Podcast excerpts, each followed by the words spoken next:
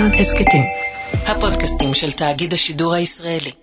כאן רשת ב' זה היה יום קיץ רותח בשנה שעברה. כשהזדמנתי במקרה לסדנת הציור של חיה גרץ רן, הנמצא בקיבוץ שער העמקים שמעל חיפה. אחד מציוריה הרבים שהיו שם נצרב בזיכרוני ולא נטש אותי מאז. זה היה ציור על פי צילום של נערה בשם שושנה בוגין, שהתאבדה בבן שמן, על רקע אהבה נכזבת. זה קרה לפני מאה וארבע שנים. שושנה הייתה בת 21 במותה. הציור מציג אותה כבצילום, שכובה, לבושה בלבן, מוקפת בחברותיה, וארשת פניה שלווה ומלאת השלמה.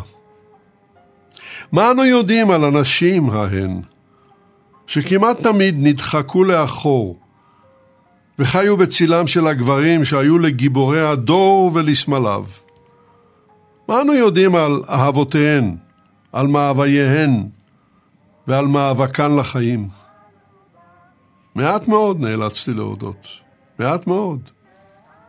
פניתי אל חיה ואל שתי חוקרות, וביקשתי מהן לנסות ולצייר לנו ציור רדיופוני על אותן צעירות שהגיעו לארץ ישראל העוינת, כדי לגלות שהן בדרך ללא מוצא.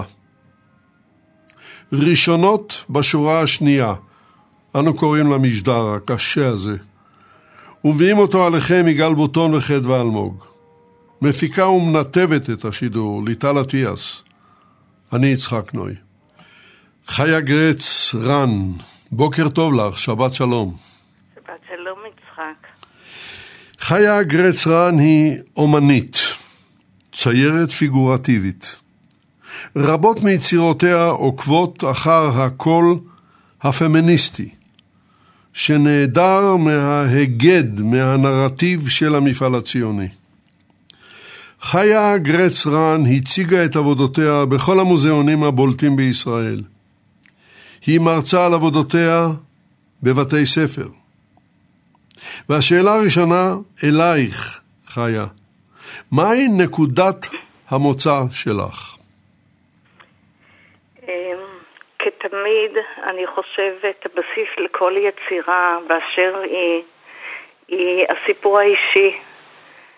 ואני זוכרת אה, משפט אה, שנחקק לי והלך לי, הלך איתי שנים מפי אמי, אל תמציאי כלום, ספרי רק את האמת.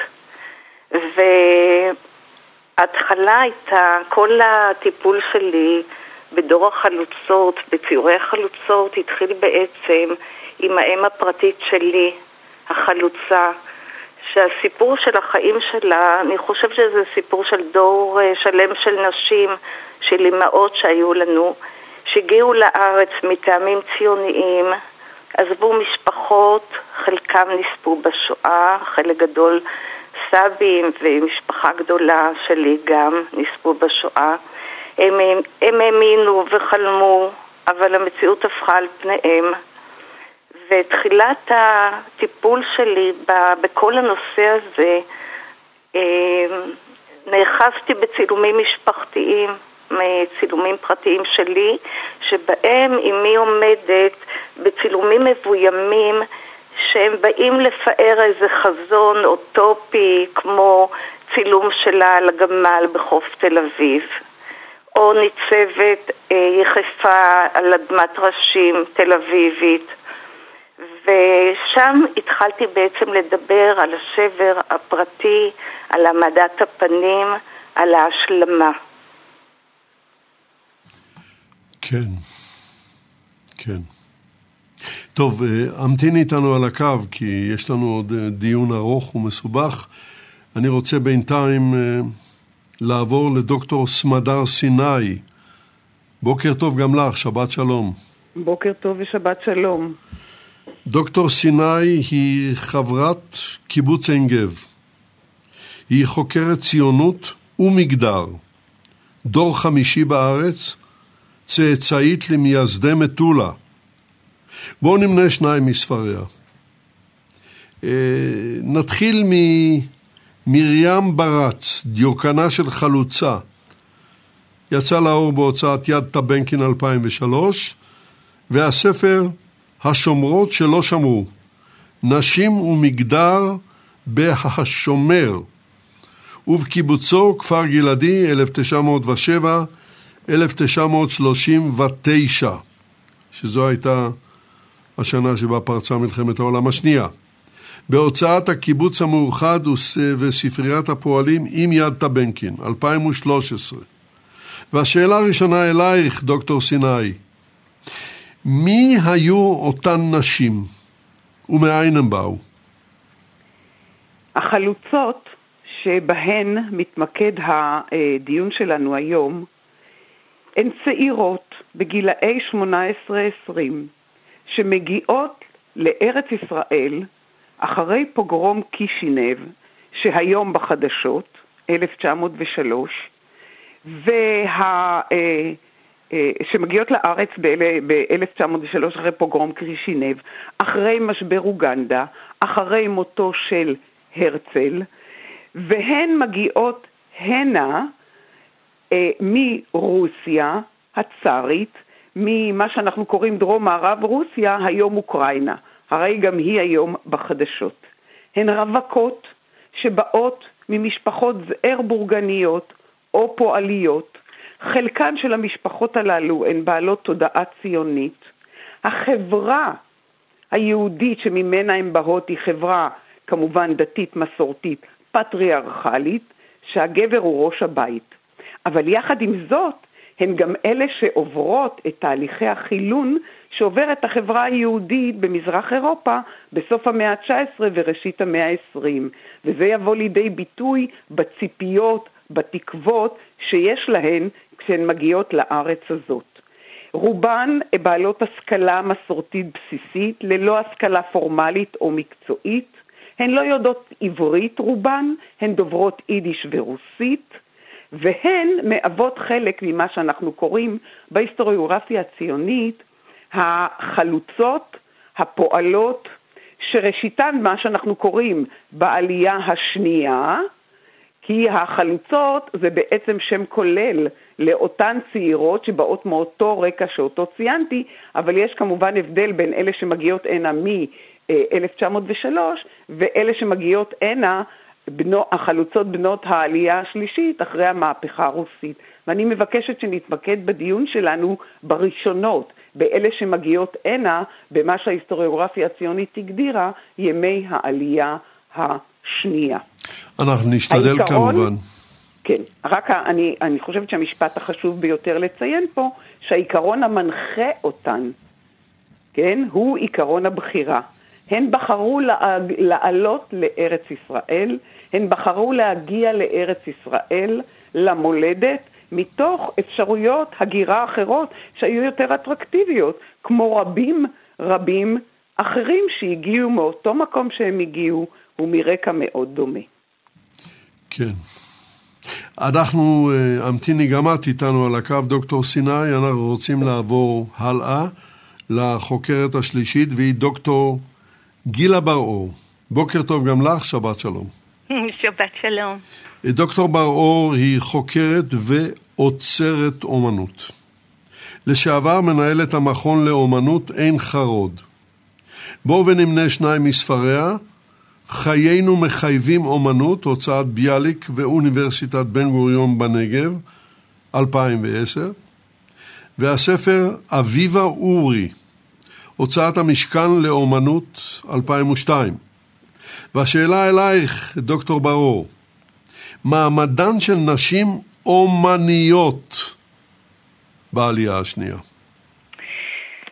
זו שאלה ממש יפה אחרי uh, שני החלקים ש, ששמענו, uh, ואני חושבת שמה שעולה מזה זה מה שכל כך קשה היה, זה הכבלים של המציאות שנחשפו לאותן נערות, נשים, נשים צעירות של העלייה השנייה, שהן הגיעו לארץ והן היו חדורות אמונה.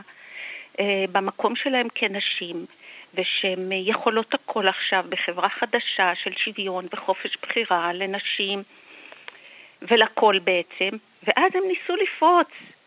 והכאב הגדול שחיה ונשים אומניות אחרות אה, היום מנסות לעתים להתמודד דרך המקום האישי, זה שהם נכבטו שוב ושוב בתקרת זכוכית, ובעצם הם מצאו את עצמן שוב כבולות.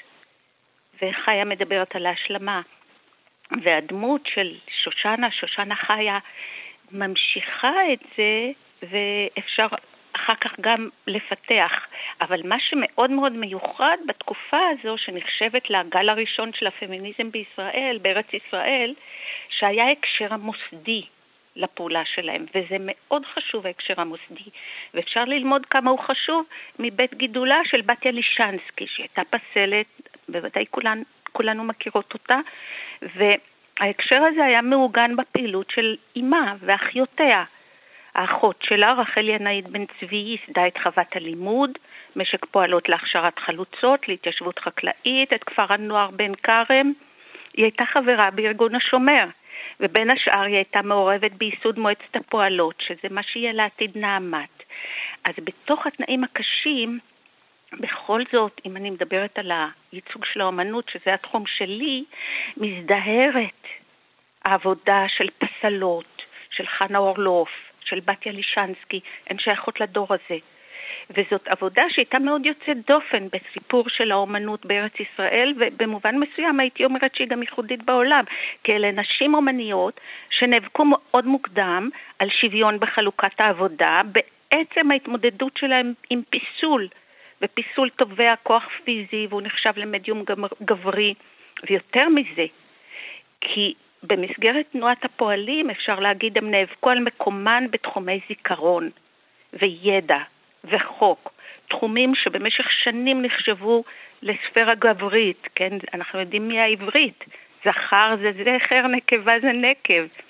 אז העבודה שלהן היא מהווה ציון דרך, כי היה להן את המעמד הזה בניסוח זיכרון קולקטיבי, באנדרטאות מרכזיות ובאבן כבדה וביציקת ברונזה.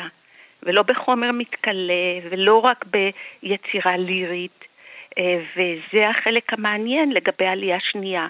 הפער הזה, הקשה, שהיה מי שחצה אותו, הייתה מי שהצליחה לחצות אותו, והייתה מי שנחבטה בכנפיה, בקיר הזכוכית, שזה נשמע מאוד רומנטי, אבל זה מורכב מרגעי יום-יום אפורים ואכזבה אחרי אכזבה, ולעיתים גם סיימה את חייה צעירה ונואשת.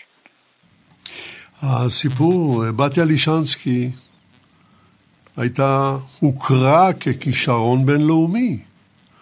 והייתי רוצה אולי מילה או שתיים לפני שאנחנו עוברים בחזרה לחיה, לשמוע מה עלה בסופה. בסופה של בתיה לישנסקי הגיעה לגיל מופלג.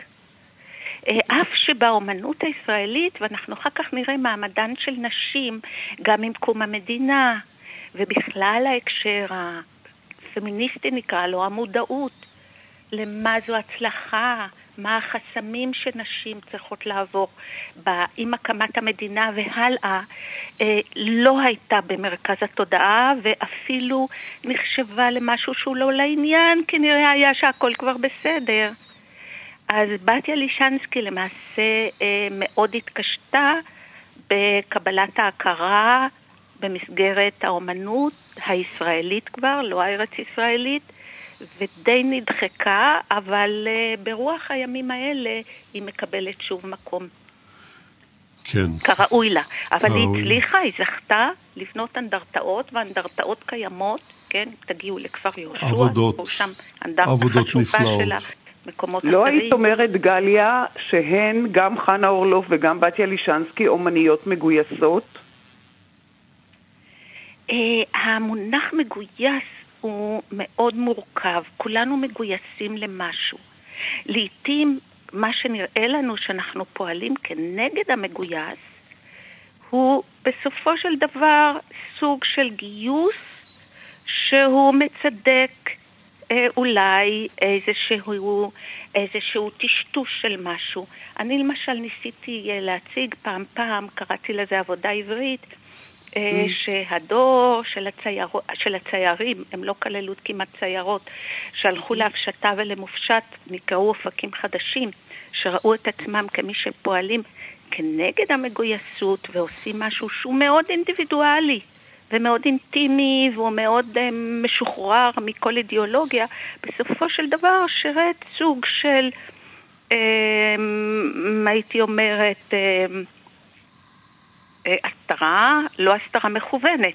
אבל עצם זה שהם לא נדרשו, לא לקונפליקטים המכוננים של המדינה הצעירה, לא לכאב של הפליטות והעקירה אה, הפלסטיני והיהודי שהיה סביבם, והשואה והאובדן, אה, שגם לא קיבל מבע, לא בצבעים, לא בעוצמות, לא ב... בכלל לא קיבל מבע. במובן הזה היה משהו מהסוג הממלכתי, שנרוץ הלאה, צעירים, רעננים, כאילו אין מאחורינו חטוטרת, אנחנו שייכים לעולם, אנחנו גם מאוד מקומיים, אבל גם מאוד שייכים לעולם, ופה יש לך את ההיפוך הזה. מדר, אם... כן, אה, בואי בוא, בוא, בוא נסתפק בדברים האלה לפי שעה, כי אני רוצה, ברשותכם, רק, רק אה, דוקטור סיני, המתיני אה, כמה דקות. אני רוצה ברשותכם לעבור לחיה גרץ רן בחזרה, ולשאול אותך, חיה, כן. על בחירת הנושאים לעבודותייך, ואחר כך נתחיל להתקדם. אני רציתי רק, אה, אני לא יודעת אם שמעו, אה, לענות אה, לשאלתה של סמדר לגבי העניין של הגיוס, העבודה מגויסת. בבקשה, בבקשה. אני, אני חושבת, סמדר, שאולי זאת הייתה ההזדמנות היחידה שנפתחה בפניהם בכלל להציב את העבודות שלהם, איזה מרחב פעולה שלא ניתן להם לפני זה. ונשים רבות, כמו רב, נשים רבות, אה, אמניות, ניצלו את זה בחוכמה ובתבונה, ואני חושבת הכניסו גם את ה-say שלהם האישי לתוך האמירות, אה, והכניסו את הפן הזה הסינדמטלי, שעל פי רוב הגבריות לא אפשרה, זאת אומרת, הסצנה הגברית לא אפשרה להם לחדור ולהיכנס לתערוכות או לאירועים שהיו קשורים באותם שנים לתולדות האמנות. בכל מקרה, לגבי בחירת הנושאים, אז כמו שאמרתי, נקודת המוצא הייתה מאוד אה, אישית. והיה לי, כל סדרת העבודות הראשונות נגעה לסיפור האישי שלי, ובכלל מה שמאוד מאפיין את uh, תהליכי העבודה שלי זה הקשר בין האמנות והחיים. תמיד החיים הם איכשהו הובילו אותי לעסוק בתכנים שהם די מקבילים להיסטוריה הפרטית שלי כילידת uh, קום המדינה. כשעברתי להתגורר בעמק יזרעאל, אני חשבתי שזה כבר לא נכון לי נפרדתי מדמות האם שעליה התבססתי ורציתי, אה, גיליתי בעצם אה, מצבור אדיר של אה, גם כתובים וגם צילומים שמתקשרים לחלוצות העמק. בכלל, לגבי תהליכי העבודה, אני מוגדרת כציירת, אבל אני לא היסטוריונית. אבל אני מחוברת לסיפורי, להיסטוריה של החלוצות באופן אה, אולי בצורה אפילו לא מודעת, שמתקשרות גם לנזירות ולפן הנוצרי בעבודות שלי.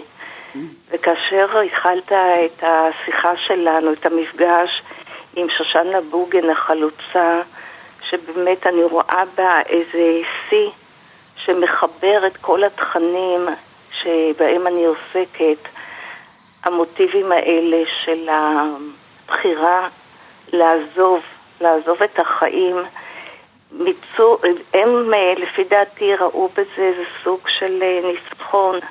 זאת אומרת, לקחת את ההחלטה הכי קשה ולהיפרד מהחיים.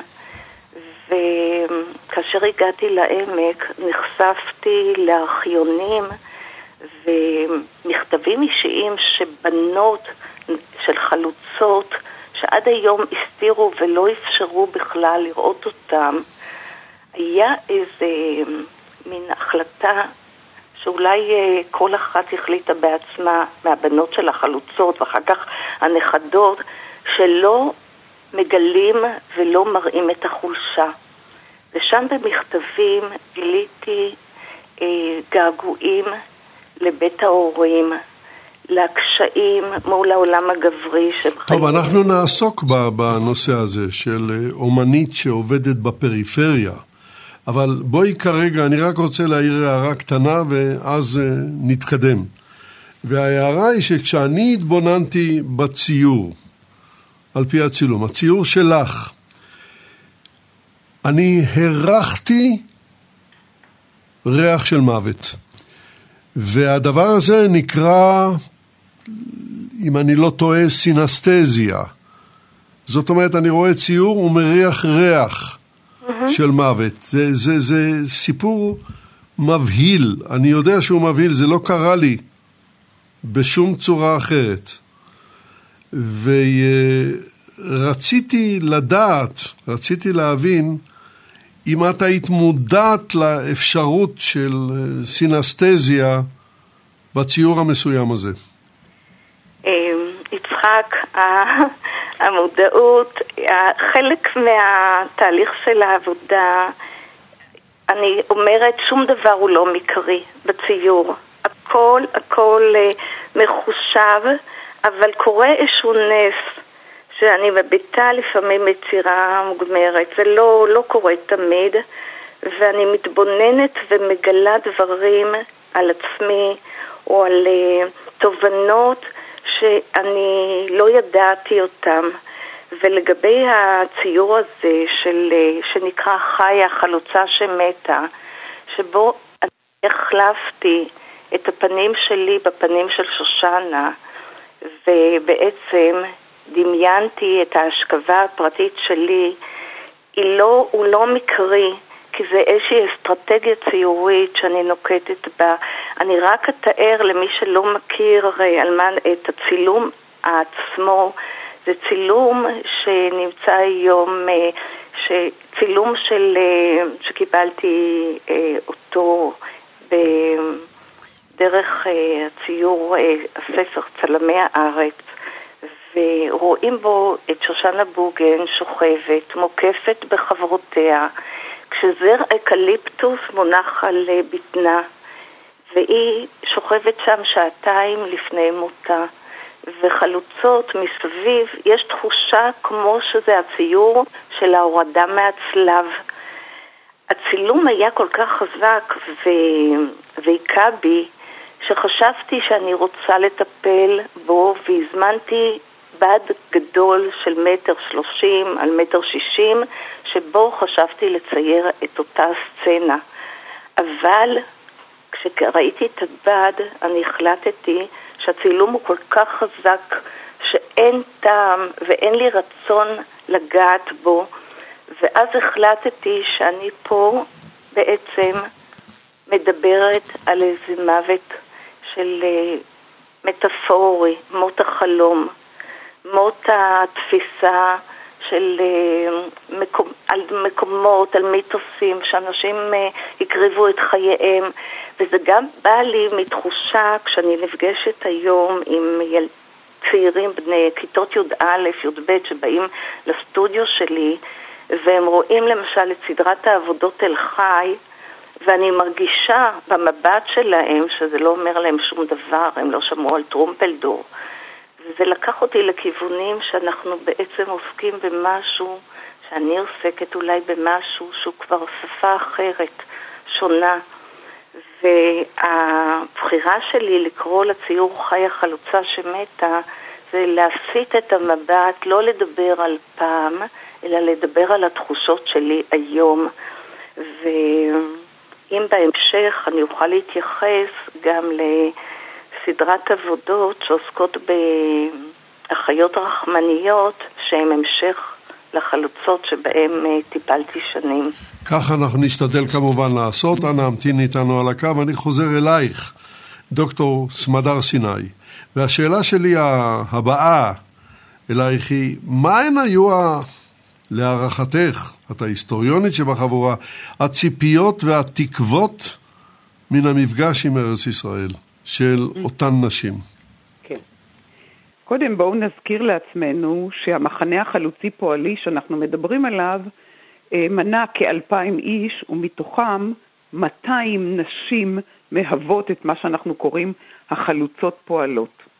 אז כשהן באות לארץ מתוך בחירה ובוחרות להישאר בה, ואם לצטט את רחל, מעדר מגרפה וסל לשדות רחוקים לעמל, הם ביקשו לממש שלוש מהפכות שהן היו השותפות שלהן, שהן היו חלק מהן, מהפכות שחרטו על דגלן את השוויון בין המינים. האחת היא המהפכה הלאומית הציונית, של הבחירה במולדת ההיסטורית בארץ ישראל ולא באמריקה, לבנות ולהיבנות בה. המהפכה החברתית של בניית חברה סוציאליסטית שוויונית, שלימים תוליד את הקבוצה ואת הקיבוץ, והמהפכה המגדרית האישית שתביא לשינוי במעמדה של האישה, של יצירת העברייה החדשה, שהיא בת דמותו של העברי החדש, היהודי החדש, שנולד מחדש במולדת ההיסטורית. והיה להן ברור שבלעדי האישה לא תתאפשר לא גאולת, גאולתנו הרוחנית והחומרית. והיה להן ברור שמעשה ההגשמה הציוני חייב להתמצות בעבודת האדמה, כי עבודת האדמה היא זו שמחוללת את המהפך באישיות שלך ובחיים שלך, והחקלאות היא המפתח של השוויון. הרי באו החלוצים וביקשו להיות פועלים, ביקשו לכבוש את העבודה העברית. באו החלוצות וביקשו להיות פועלות ולכבוש את העבודה העברית ולעבוד במעדר, כמו שהם קראו לזה. כי בעבודה החקלאית אנחנו נשתווה עם הפועל בחיי העבודה ובחיים הציבוריים. זאת אומרת שהן תובעות ומצפות למימוש של שלוש המהפכות, הן תובעות שוויון בחובות, מה שעושה החבר, הפועל, החלוץ, גם הן יכולות לעשות, וזה ברור להם שרק במולדת ההיסטורית כל המהפכות הללו יכולות להתגשם ולהתממש. ואנחנו, הן אומרות על עצמם, האישה תובעת את זכותה למילוי חובות כמו הגבר. אני רוצה להיות פועלת חקלאית, לאחוז במעדר ולעדור בפרדסים. אני רוצה להיות שומרת ולכבוש יחד איתך את השמירה העברית. אלה הן הציפיות, וכגודל הציפיות, גודל מפח הנפש. למפח הנפש אנחנו נגיע. לפני כן, תני לי רק, אה, הרשי לי להעיר הערה, לא כולן היו כאלה. אם אנחנו מסתכלים על דמות של אישה יפהפייה ביפו, אצל שי עגנון, סוניה צווירינג שמה, בתמול שלשום, ברומן הענקי שלו. שהיא יפהפייה והיא מרושעת והיא מתעללת בגברים וכן הלאה וכן הלאה, זו לא אותה אישה, זו קבוצה אחרת, הלא כן? האם, לכן אני אמרתי, אנחנו ממש מבחינים פה בקבוצה, לקבוצה הזאת שאני, אנחנו קוראים לה בהיסטוריוגרפיה הציונית, המחנה החלוצי פועלי, או החלוצות הפועלות, שמגיעות הנה, כפי שציינתי, בימי העלייה השנייה, הן תגענה הנה גם בימי העלייה השלישית, אבל אמרתי, אלה שמגיעות אחרי אה, אה, אוקטובר 1917 זה כבר, בוא נאמר, קבוצה מובחנת אחרת.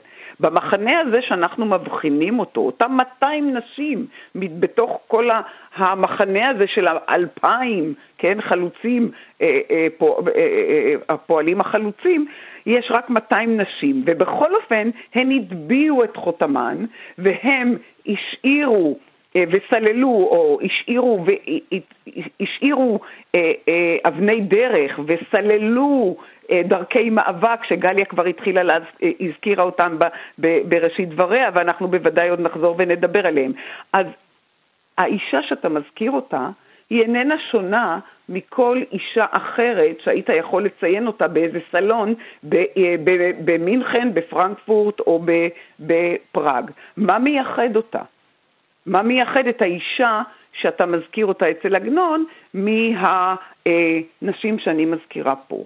אז הנשים הללו הן, כפי שאמרתי, הן חלק ממהפכה, לא רק המהפכה הציונית, המהפכה הסוציאליסטית של לבנות חברה אחרת, חברה שוויונית, חברה שחורטת על דגלה את, את השוויון בין המינים.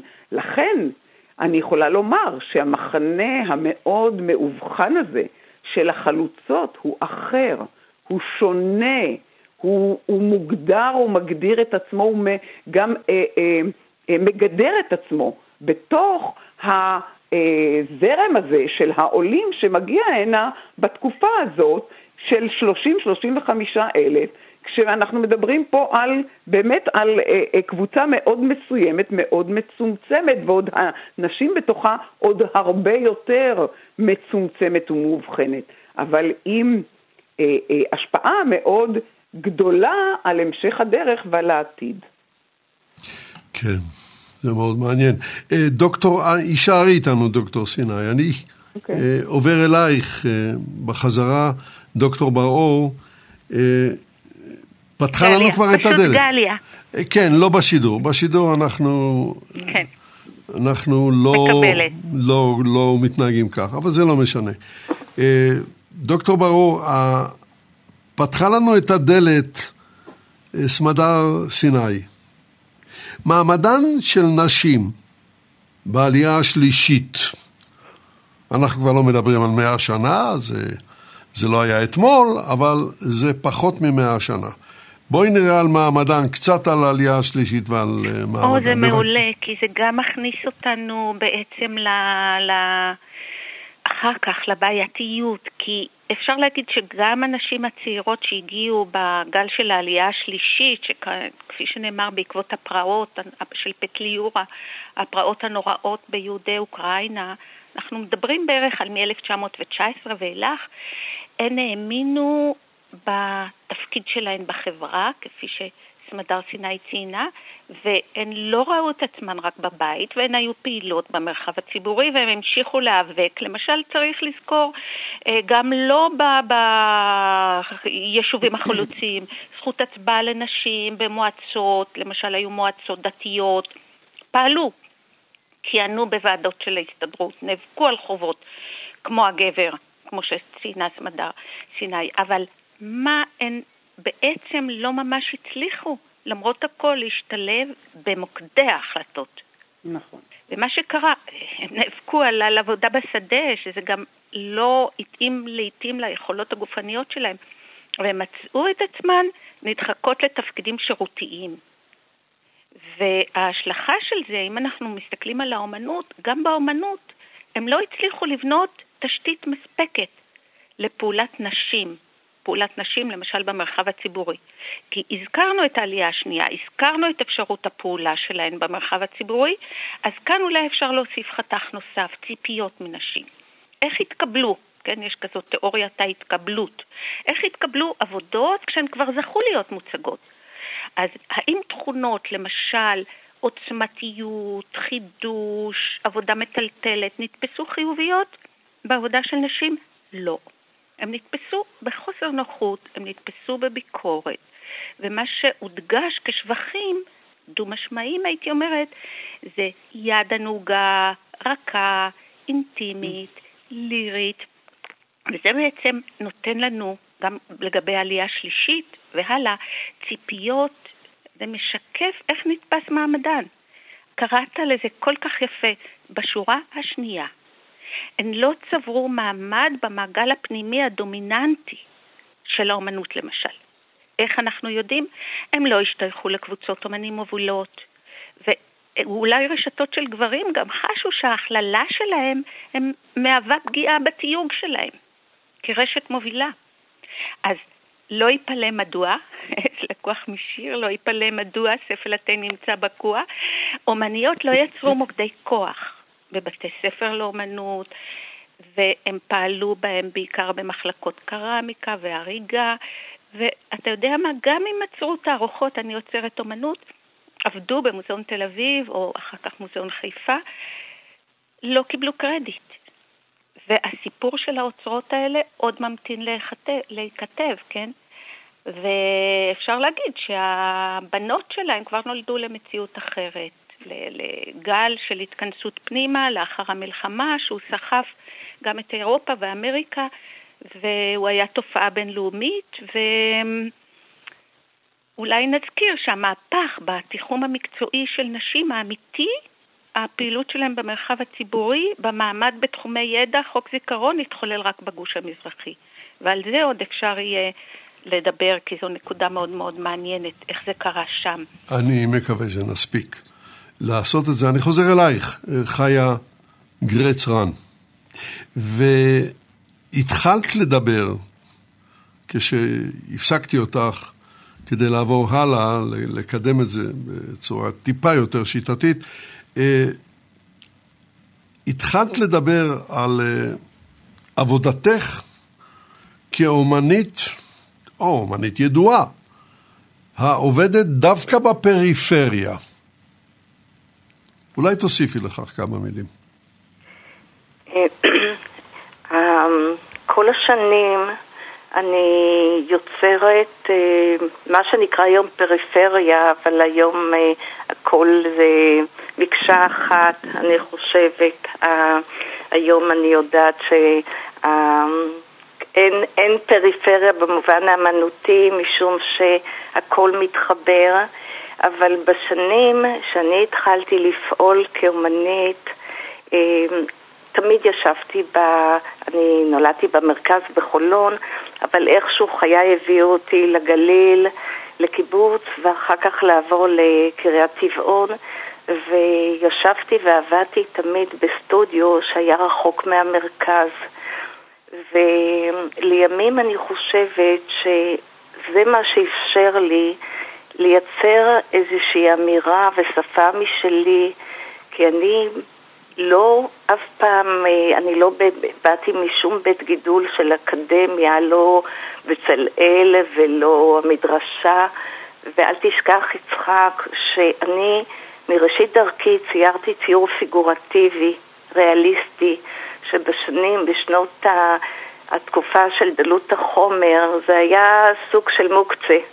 אה, זה לא רק שזה לא זכה למקום, זה זכה לביקורת, ואני איכשהו נאחזתי בכניסה שלי כל יום לסטודיו מהבוקר ועד הערב, במין תחושה כזאת שאני צריכה להמשיך, וגוף העבודות שלי, שרק בשנים האחרונות מקבל אה, אולי הכרה ואולי את המקום שאני חושבת שראוי לו, אמ, זה אפשר לי את יצירת ה-say שלי, ואני תמיד השתמשתי, לקחתי את הנושאים האלה שעסקו בהיסטוריה ובדימויים שהם היו הירואיים, נשיים הירואיים, אבל הכנסתי בהם אה, את הבסיס הביקורתי בעבודה.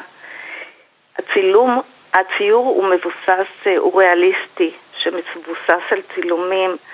אבל הדימויים שאני שותלת בהם בתוך העבודות, הם מביאים אה, לפעמים את, אה, לידי תחושת אבסורד.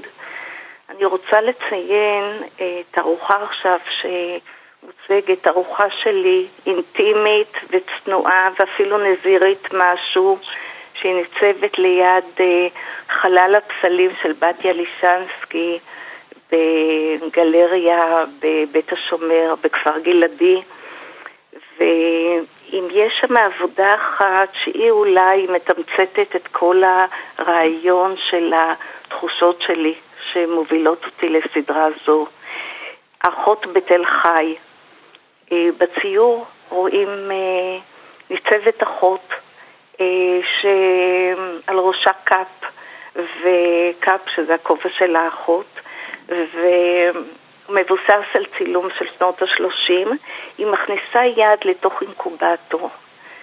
בצילום, בתוך האינקובטור, שכב תינוק, אבל אני עשיתי איזושהי מניפולציה ציורית והוצאתי, שלפתי את התינוק מהציור והכנסתי את uh, מיתוס האריה השואג האינקובטור והקטנתי אותו לממדים של אולי סוג של צעצוע.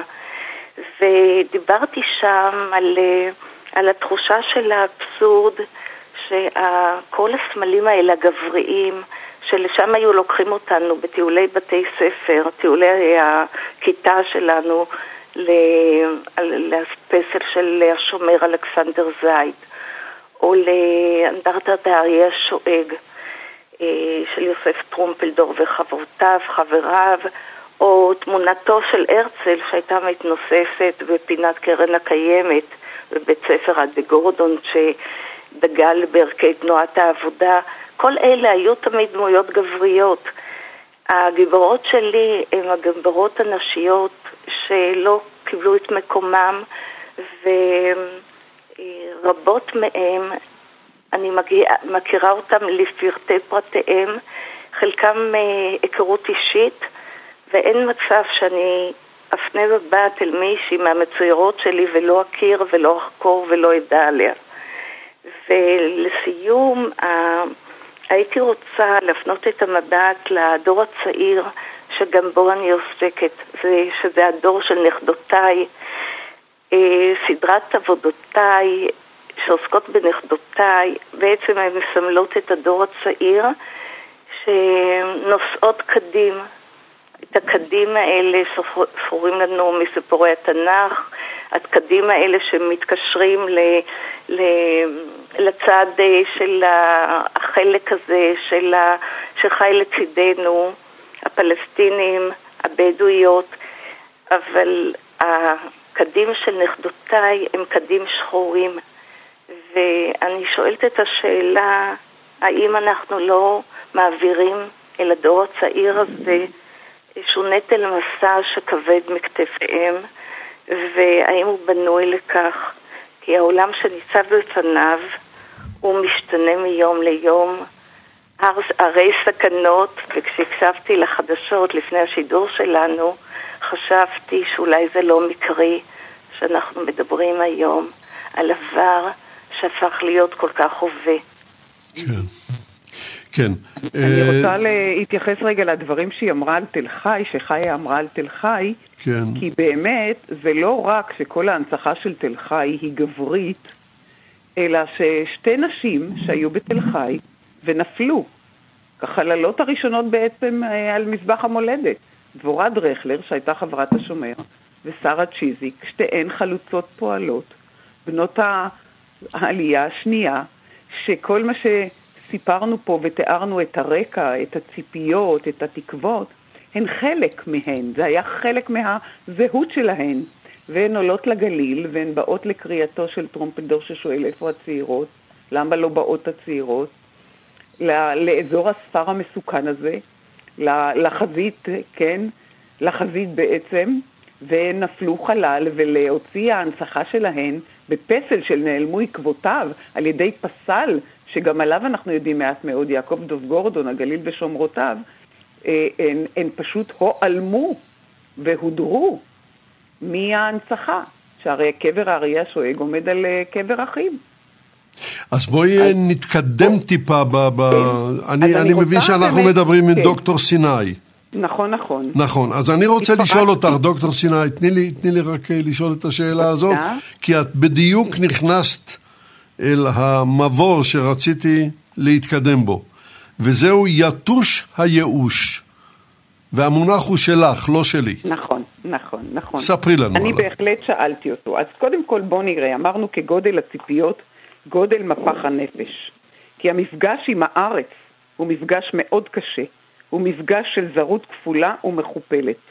עם הנופים, עם האקלים, עם היתושים, עם המחלות, עם הקדחת והרעב ותנאי המגורים והשפה והמזון והלבוש ו- וכל מה שאנחנו רק יכולים לתאר על, ה- על מה שעובר על מי שמגיע משם, מרוסיה, אל, אה, אה, אל הלבנט, אל הארץ שלנו.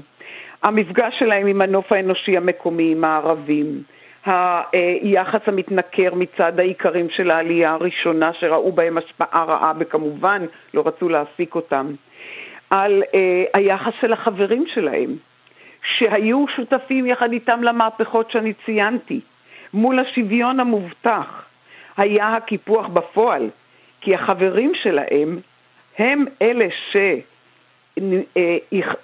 שמידרו אותם, הם אלה שהדירו אותם, הם אלה שבעצם הפכו אותם להיות הפועלת של הפועלים.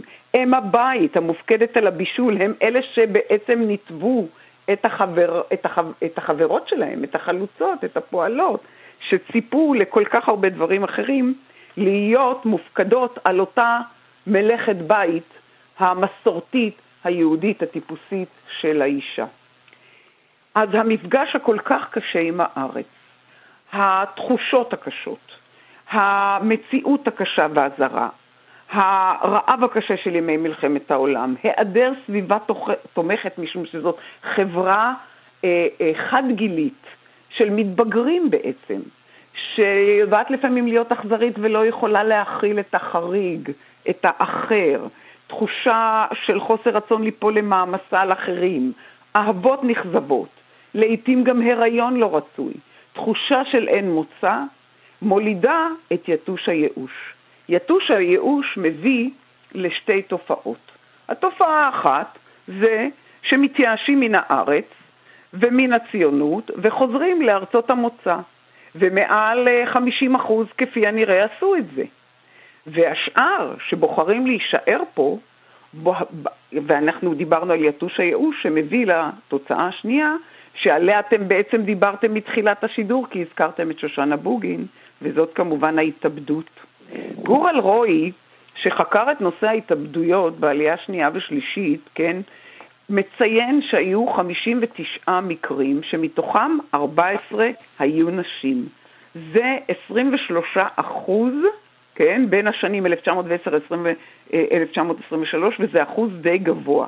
שושנה בוגן, שהתאבדה בשנת 1918, כנראה בשל אהבתה הנכזבת לנוח נפטולסקי, ואתם כבר דיברתם על הצילום, על אותו צילום בבית החולים ביפו, אה, אה, של אותו אה, צלם שגיא רז קורא לו הצלם האלמוני, כפי הנראה צלם נוצרי מיפו.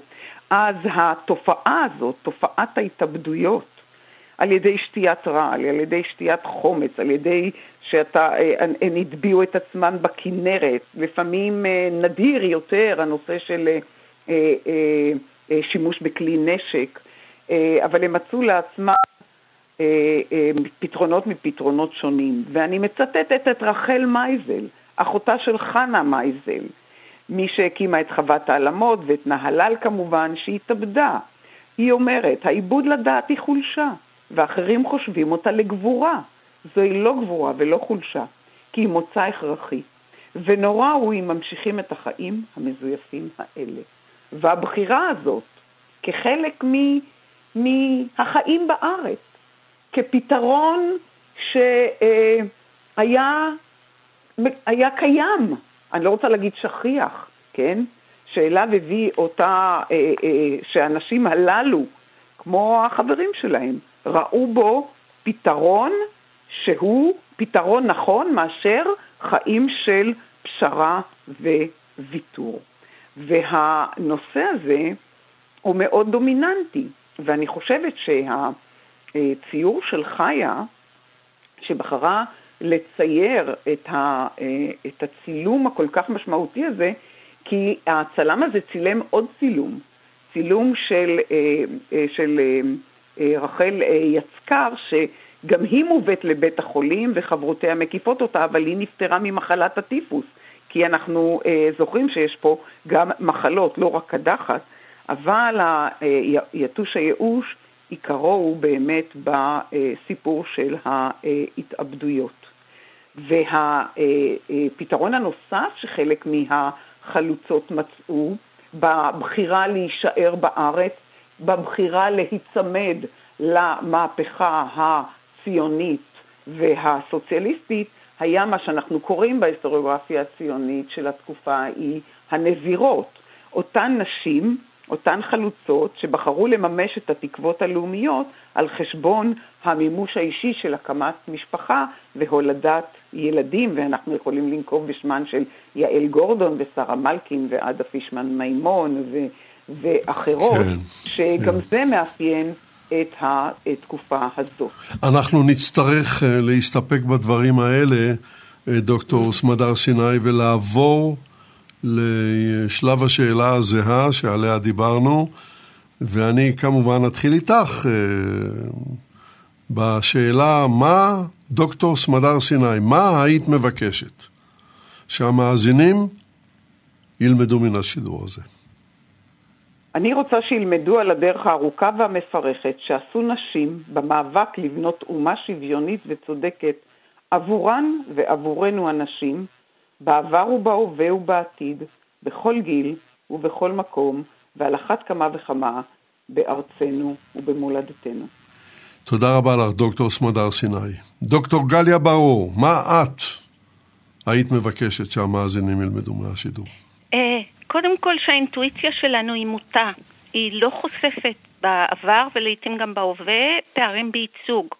בין גישות לעמדות ולאופן התקבלות, ושיש להם השלכות שהן מאוד מרחיקות לכת, והיא לא שואלת בעצם מה זה הצלחה ומה זה הטריגרים והחסמים להצלחה עבור נשים אומניות, אז אני אומרת, צריך ליישם קטגוריות אחרות, ותמיד לשאול האם יש נוכחות במרחב הציבורי ומה המקום שלהן, ולהבין שאנשים, אף שהם 50 אחוז, כן, זה מייצג קבוצות אחרות באוכלוסייה.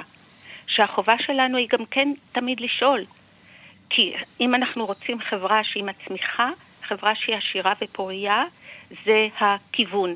ואני רוצה אולי להוסיף לגבי... לא, לא נוכל להוסיף שום דבר. זה, זה בדיוק הסיפור. אם את רוצה בעוד משפט אחד לסכם, זה מה שאנחנו יכולים לעשות, כי זמננו צר והולך, דוקטור אני, ברור. אז אני אתמסר לכם ואוותר על המשפט האחרון. צר לי, צר לי מאוד. חיה גרץ רן, המילה האחרונה שלך. אני חושבת שכל אחת מאיתנו, מהנשים היקרות האלה, שיש בינינו דימור מתמשך בתחומה, מפנה זרקור רב עוצמה לכיוון עשייה נשית בעלת ערך ששינתה מציאות. זו הוסתרה מכתיבת דפי ההיסטוריה של ראשית אה, תנועת הציונות. עם סיום המפגש שלנו, אני מפנה מבט מפוקח על ההווה ושואלת, האם משהו השתנה מאז? שאלה טובה. שאלה טובה מאוד. אנחנו נודה גם לך, חיה גרץ רן. כאן אנחנו נסיים. תודה למשתתפות המשדר על דבריהן הישירים. אכן למדנו הבוקר פרק עלום בתולדות היישוב העברי בארץ ישראל, פרק שנהגנו לדחוף מתחת לשטיח. ראשונות בשורה השנייה. על מאבקן לחיים של נשים בארץ ישראל לפני כמאה שנים. הביאו לשידור יגאל בוטון וחדווה אלמוג. הניתוב וההפקה היו בידי ליטל אטיאס, אני יצחק נוי.